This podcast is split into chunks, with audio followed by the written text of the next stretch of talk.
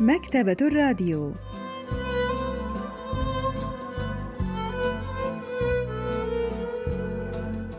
أهلا وسهلا بكم في حلقة جديدة من البرنامج الأسبوعي مكتبة الراديو الذي نستعرض من خلاله كتابا جديدا كل أسبوع.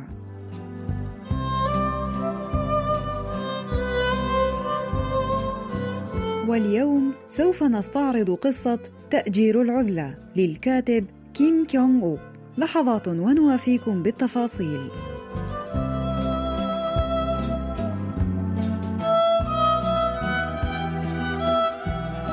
عندما تشعر بالدوار حين تدير رأسك أو تقف بعد جلوس فيجب أن تشك في وجود خطب ما في القنوات شبه الدائرية في أذنيك عندما شكوت من الدوار قال طبيب الأنف والأذن والحنجرة إنه يوجد حصوات في قنواتي شبه الدائرية. في ذلك الوقت كنت كثيرا ما أحلم أنني أمشي على حبل التوازن. كنت أسير إلى الأمام مفرود الذراعين، لكنني لم أكن أستطع الوصول إلى آخره. كان كتفاي يؤلمانني كلما استيقظت من هذا الحلم. لكن هذه الأعراض اختفت بعدما خضعت لجراحة لإزالة هذه الحصوات. نشرت قصة تأجير العزلة للكاتب كيم كيونغ أوك عام 2006 وهي تبدأ بوصف الراوي لمشكلة في قنوات أذنه شبه الدائرية.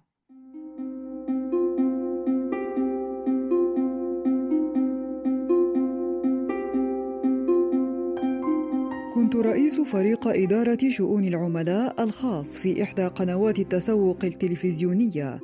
كانت مهمة فريقي الأساسية هي إثناء العملاء عن إرجاع مشترياتهم، وكان مدى نجاحي في مهمتي ينعكس على تقرير راتبي السنوي.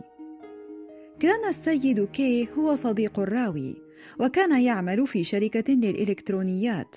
عرف باجتهاده ونجاحه الكبير وقد استطاع أن يحصل على فرصة للعمل لمدة عام في الولايات المتحدة فذهب إلى هناك مع زوجته وابنتيه لكنه عاد إلى كوريا وحيدا بعد انقضاء العام فلقد فضلت زوجته البقاء في الولايات المتحدة من أجل ضمان تعليم أفضل لابنتيهما. كان كي يتواصل كثيرا مع الراوي بعد عودته إلى البلاد لكنه لم يبدو على ما يرام. كان غالبا ما يطلب من الراوي أن يقابله وعندما يقابله بالفعل يستغرق في أفكاره تماما. وفي ليلة من الليالي شرب الصديقان الكثير من الخمر ودعا كي الراوي إلى منزله ليتناولا المزيد من الشراب. وبما أن زوجة الراوي كانت في زيارة إلى أهلها في ذلك الوقت فقد رحب الراوي بالدعوة وقبلها على الفور. كان الاستوديو الذي يسكنه يفتقر إلى الأثاث المناسب فبدأ موحشا. كانت الغرفة تشع بجو من العزلة المؤسفة انبعث من أوراق الجرائد التي كانت تغطي الأرض تماما. قال كي غطيت الأرض لأنني لم أرد أن أنظفها باستمرار لكنني أبدل أوراق الجرائد كل يوم عدا يوم الأحد. قال هذا بلهجة دفاعية وابتسامة خجلة كان قد استخدم أوراق الجرائد كملاءات مؤقتة للفراش وكمفرش للمائدة. شعرت بشيء من المرارة في فمي وكأنني اطلعت على روح كي. سألني أين تريد أن تتناول الشراب؟ فوق القسم الثقافي بالجريدة مثل أي رجل متحضر أم فوق قسم الرياضة على سبيل المرح؟ أظن أن قسم السياسة هو الأنسب للشراب أخرج كي زجاجة من الويسكي من الخزانة ووضعها على صورة نائب جاد الوجه يلقى القبض عليه بسبب الرشوة. عندما سألته عن السبب الذي جعله لا يشتري أي أثاث، قال إنه لن يعيش هكذا إلى الأبد.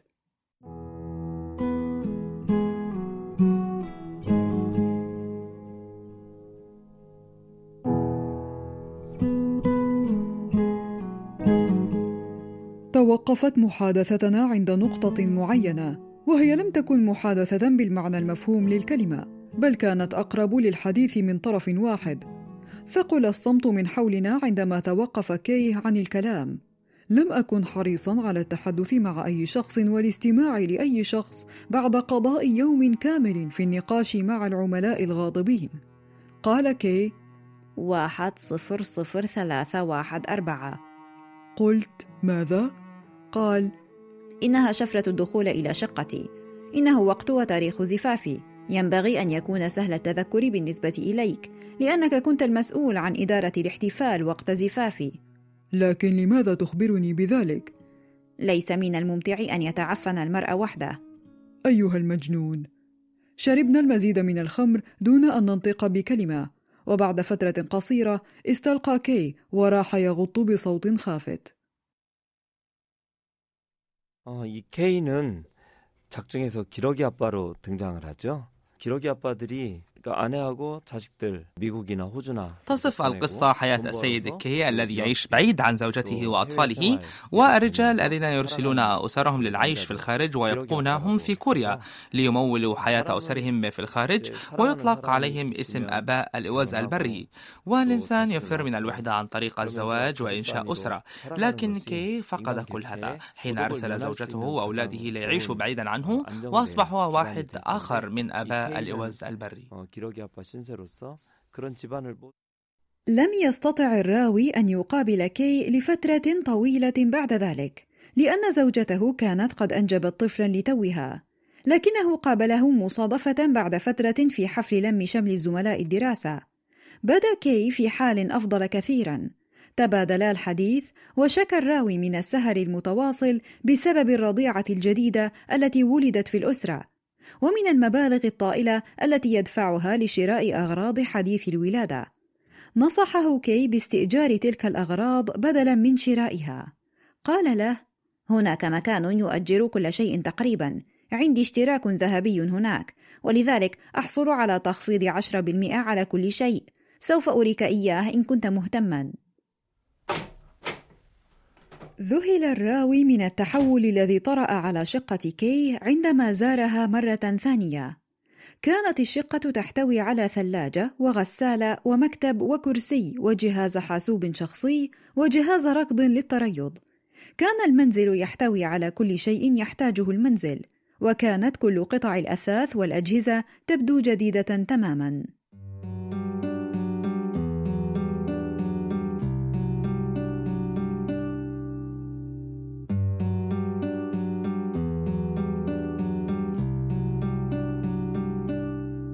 فتح كي ستائر غرفة المعيشة كاشفا بفخر عن حديقة صغيرة وكأنها لعبة.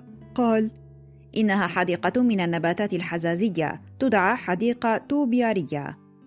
كانت الحيوانات التي شكلت بالنباتات الحزازية واقعية للغاية حتى أنها بدت وكأنها سوف تسير مبتعدة. قال كي جاءت الحديقة مع جهاز الركض. جهاز ري الحديقة الصغيرة يعمل فقط إذا ركضت على جهاز الركض لمدة ساعة. أشعر بالسرور وأنا أراها تروى بينما أتعرق أنا، لكنني لم أستأجرها. انتظرته ليكمل حديثه. تابع قائلا: بل استأجرت الكرم. الكرم؟ نعم، استأجرت جهاز الركض وجاء عمال يرتدون زيا برتقاليا ليركبوه على الفور. إنهم يعرفون كيف يعمل الخيال. هل تعرف ما يجعل الناس يفتقرون إلى الخيال؟ إنه تمسكهم بالأشياء. الطريق إلى الصحة النفسية يبدأ بالتخلي عن الممتلكات. اجاب كي على سؤاله. انتقل من الكرم إلى الخيال ثم إلى الصحة النفسية. لم أكن أعرف ما يرمي إليه لكن ما بدا لي واضحا هو أنه كان يحاول التأقلم مع العيش وحيدا. استاجر كي الكرم من المتجر الذي يؤجر كل شيء. الناقدة الأدبية جون سو يونغ تحدثنا عن معنى ذلك. 무엇이든 빌려준다는 사이트가 굉장히 매혹적으로 느껴지는데요. 물건뿐만 아니라 정서적으로도 자신에게 결핍된 것을 일정한 비용만 يبدو ذلك الموقع الإلكتروني الذي يؤجر كل شيء مثير جدا للاهتمام إذا استطاع المرء أن يؤجر البضائع والمشاعر أيضا فستكون هذه معجزة لكن المعجزات نادرا ما تتحول إلى واقع ولهذا فهي أشياء مميزة للغاية لكن الأشياء المستأجرة لا تصبح ملكا تماما ويستوجب على كي أن يعيد كل هذه الأجهزة والأثاث في يوم ما. بما في ذلك الإحساس بالكرم فشعوره الجيد وحظه الحسن قد أعدت له نهاية مسبقة وهي ليست نهاية جيدة. انضم الراوي للموقع الإلكتروني الذي يؤجر كل شيء. ذلك الذي أوصاه صديقه به. اقترح كي عليه أن يشتري العضوية الذهبية لمزاياها المتعددة. لكن الراوي اختار العضوية العادية لأنه لم يرد أن يدفع ثمن العضوية السنوي وهو مبلغ كبير يصل إلى 300 دولار تقريبا. كان أول ما استأجره الراوي هو سرير أطفال هزاز إلكتروني. سرت زوجته من السرير وبدأت في استئجار المزيد من أغراض الأطفال بالإضافة إلى حقيبة من ماركة فاخرة كانت تريدها بشدة. لكن الطفلة لم تكن تتعلق بأي لعبة معينة لفترة طويلة ربما لأنها اعتادت على الحصول على ألعاب جديدة كل بضعة أيام. في النهاية بدأت الطفلة تبكي في غضب كلما وضعت في سريرها وعاد الزوجان إلى ليالي الحرمان من النوم مجددا. في ذلك الوقت عاد إلي الدوار. كنت أتجادل مع عميلة تريد إرجاع آلة الركض الخاصة بها. قلت سيدتي إذا كنت مضطرة ولا بد فلديك خيار آخر. سوف أحاول أن أطلب من الشركة أن تسمح لك بشكل استثنائي بمد فترة التقسيط إلى 24 شهرا. قالت المرأة هل تستطيع أن تفعل ذلك؟ بمجرد أن انتهيت شربت كوبا من الشاي الأخضر. كنت على وشك الوقوف بعدما نزعت سماعات الأذن وعندها شعرت برأسي يدور كما شعرت بغثيان.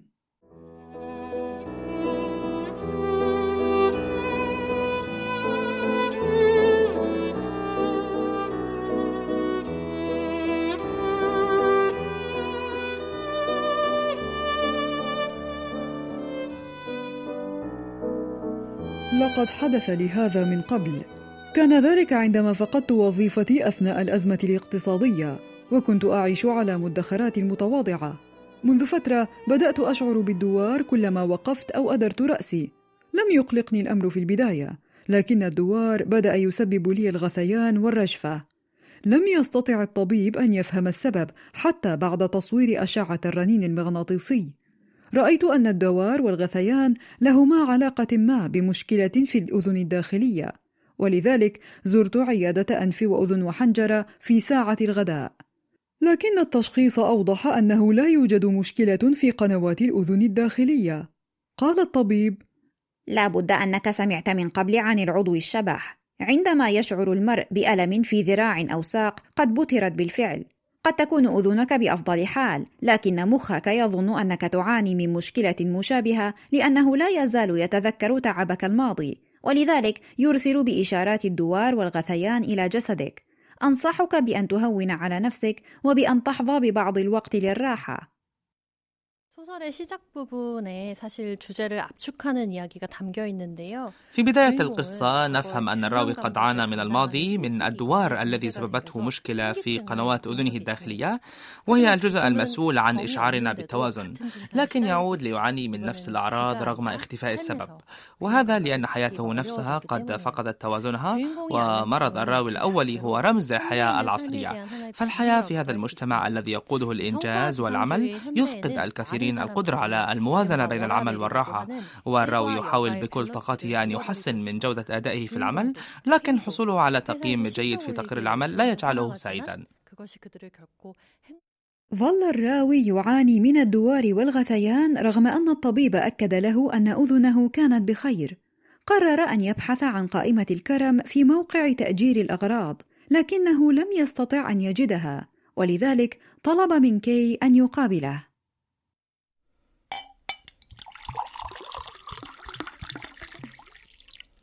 قال الراوي لقد بحثت لكنني لم أجد الكرم. أخبره كي أن هذه الأشياء النادرة لم تكن متاحة إلا لأصحاب العضوية الذهبية وأن الأعضاء العاديين لم يكن يسمح لهم باستعراض القائمة حتى. لكن كي ظل ينظر إلى ساعته باستمرار وكأنه كان ينتظر شيئا ما. كان الراوي على وشك سؤاله عندما رن هاتفه.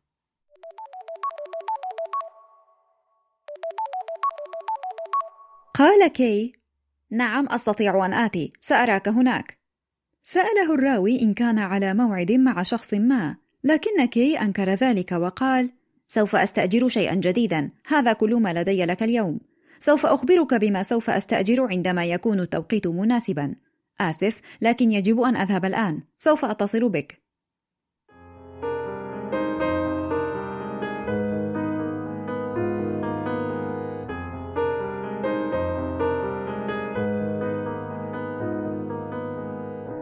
تلك الليلة استغرق تنويم الرضيع ساعة كاملة. بعدها اشترى الراوي العضوية الذهبية لموقع استئجار الأغراض وبدأ يبحث عما يريد.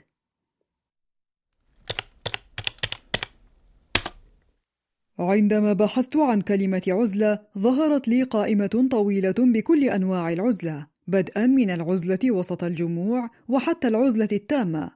اخترت عزلة للراحة. وطلبت أربع جلسات في الشهر بسعر خمسة وعشرين ألف ون أي خمسة وعشرين دولارا للجلسة الواحدة واخترت أيام الأحد للجلسات. أتته رسالة بالبريد الإلكتروني تحتوي على عنوان وخريطة وشيفرة للدخول. قال لزوجته كاذبا إنه سوف يذهب لزفاف أحد معارفه ثم ذهب إلى العنوان المسجل في رسالة البريد الإلكتروني. كان المكان هو استوديو صغير يشبه المكان الذي كان يعيش فيه قبل أن يتزوج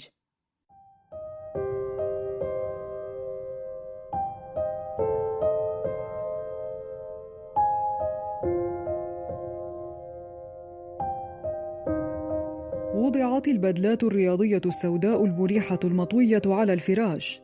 كانت الملابس تناسبني تماما وكأنها ملابسي. ظهرت على شاشة هاتفي رسالة تفيد أن المكان خارج التغطية. لمحت جهازا لحجب الإشارات الهاتفية عند النافذة. أعجبتني كثيرا العزلة المستأجرة. كان هناك كتاب على المنضدة بجوار النافذة. كانت رواية الجبل السحري للكاتب توماس مان. كنت قد قرأتها قبل عشرة سنوات. شعرت بالجوع بعد فترة. كانت هناك قائمة طعام لمطعم صيني ملصقة بالباب، لكنني اضطررت للوقوف خارج الشقة لطلب الطعام، لأن الهاتف لم يكن يعمل بالداخل. تناولت وجبة غداء متأخرة، ثم فتحت جهاز التلفاز ذا الأربع عشرة بوصة بجوار الفراش. كانت هناك ثلاث قنوات متاحة فقط، اخترت القناة التي تعرض مباراة لكرة القاعدة. قبل زواجي كنت أحب متابعة مباريات كرة القاعدة بعد ظهر أيام الأحد. عندها لم يكن علي أن أرى أحد أو أن أزور أحد. عندما بدأت في الشعور بالنعاس، كان صوت أي طفل يبكي في الجوار أو صوت صياح زوجين يتشاجران من الجيران يبدو لي بعيدا جدا. كنت قد وعدت نفسي غالبا أن أتزوج امرأة تحب مشاهدة مباريات كرة القاعدة معي بعد ظهر أيام الأحد. عندما استيقظت من غفوتي كانت الغرفة مظلمة تماما. لابد أنني رحت في نوم عميق أثناء مشاهدة المباراة. كان نوما عميقا مرضيا. ثنيت الصفحة التي توقفت فيها في كتاب الجبل السحري بنية مواصلة قراءتها الأحد القادم. بعد أسبوع عاد الراوي إلى نفس المكان بعد أن بدل ملابسه وارتدى الملابس المنزلية المريحة فتح كتاب الجبل السحري لينهيه لكنه لم يستطع أن يجد الصفحة التي ثناها ليعود إليها لأن كل الصفحات كانت مثنية. عاد يقرأ الكتاب منذ البداية. عندما شعرت بالجوع طلبت بعض الطعام الصيني وغفوت وأنا أتابع مباراة كرة القاعدة على التلفاز. كان يوم أحد يشبه الأحد السابق تماما ولا يمكن تفريقه عن أيام الأحد الكثيرة التي قضيتها بلا معنى قبل زواجي. عندما وصل الراوي إلى المنزل بعد الاستمتاع بعزلته المريحة طلبت منه زوجته بلهجة آمرة أن يوصلها إلى درس لقراءة الكتاب المقدس كل يوم أحد حاول أن يتصل بشركة الاستئجار ليلغي الجلسات المتبقية ويسترد نقوده لكن جميع موظفي خدمة العملاء كانوا مشغولين. كان من الممكن أن أتنازل عن ثمن الجلستين الباقيتين، لكنني بدأت أشعر بالغضب الشديد وأنا أستمع إلى صوت انشغال الخط. تحول غضبي العارم إلى عزم قوي على استرجاع نقودي. اتصل الراوي بكي على هاتفه النقال، لكن الهاتف كان مقفلا، فاتصل بمكتبه لكنه اندهش حين سمع أن أحدا لم يستطع التواصل مع كيه منذ أن غادر لاستراحة الغداء قبل ثلاثة أيام.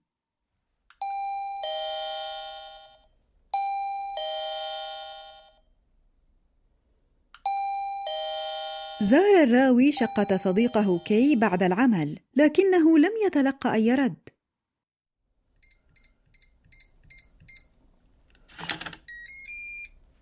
ضغط الراوي على أرقام شفرة الدخول التي أخبره بها كي من قبل، لكنه لم يجد أحدا بالداخل، وبدا كل شيء كما كان تماما.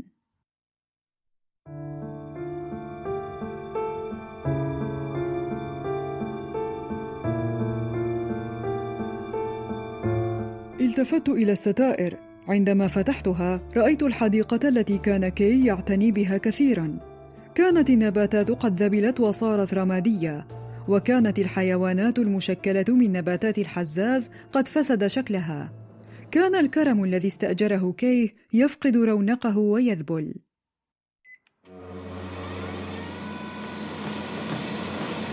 أدرت ماكينة الركض الكهربائية. بدأت بوضع المشي أولا ثم زدت السرعة.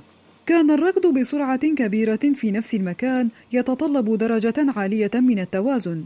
لو لم أكن ضبطت توازني وسرعتي لسقط جسدي على أحد جانبيه. كان علي أن أبقي سرعتي بشكل معين حتى لا أفقد توازني.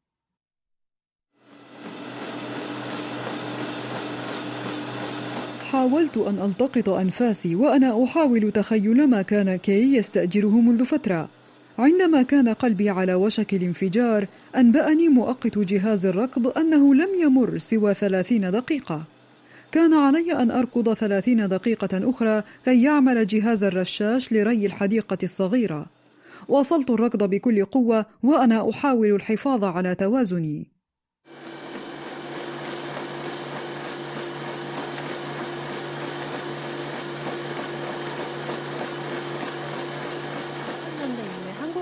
사회에서 널리 퍼졌던 유행어 중 하나가 바로 웰빙이었습니다. كان مصطلح ويل الذي يشير إلى حالة الصحة والسعادة والاسترخاء النفسي من المصطلحات شديدة الرواج في كوريا في أوائل الألفية الجديدة فقد عمل الكوريون بجد طوال حياتهم حتى أدركوا أنهم في حالة إرهاق مزمن شديد وبدأ الاهتمام بجوانب الحياة الأخرى غير العمل الشاق المتواصل وأصبح البحث عن تحقيق التوازن في الحياة مهما بالنسبة إلى الكوريين وقد حاول حاول أن يبحث في موقع استئجار الأغراض عن شيء يعوضه عما فقده. لكن اختفى بعد أن أدرك أن واقعه قد تحطم بالكامل. هل كان الراوي يستطيع أن يعيش حياة تختلف عن حياة كي؟ في المشهد الختامي نرى الراوي يركض بكل ما أوتي من قوة ليحاول الحفاظ على توازنه لكن لم يكن يرى أمامه سوى مجموعة من النباتات الذابلة وهذا المشهد ينبئ بنهاية حزينة.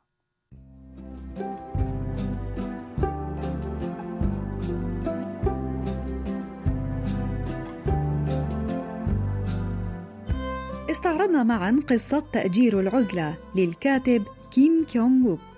وإلى اللقاء في الأسبوع القادم مع كتاب جديد ومبدع جديد.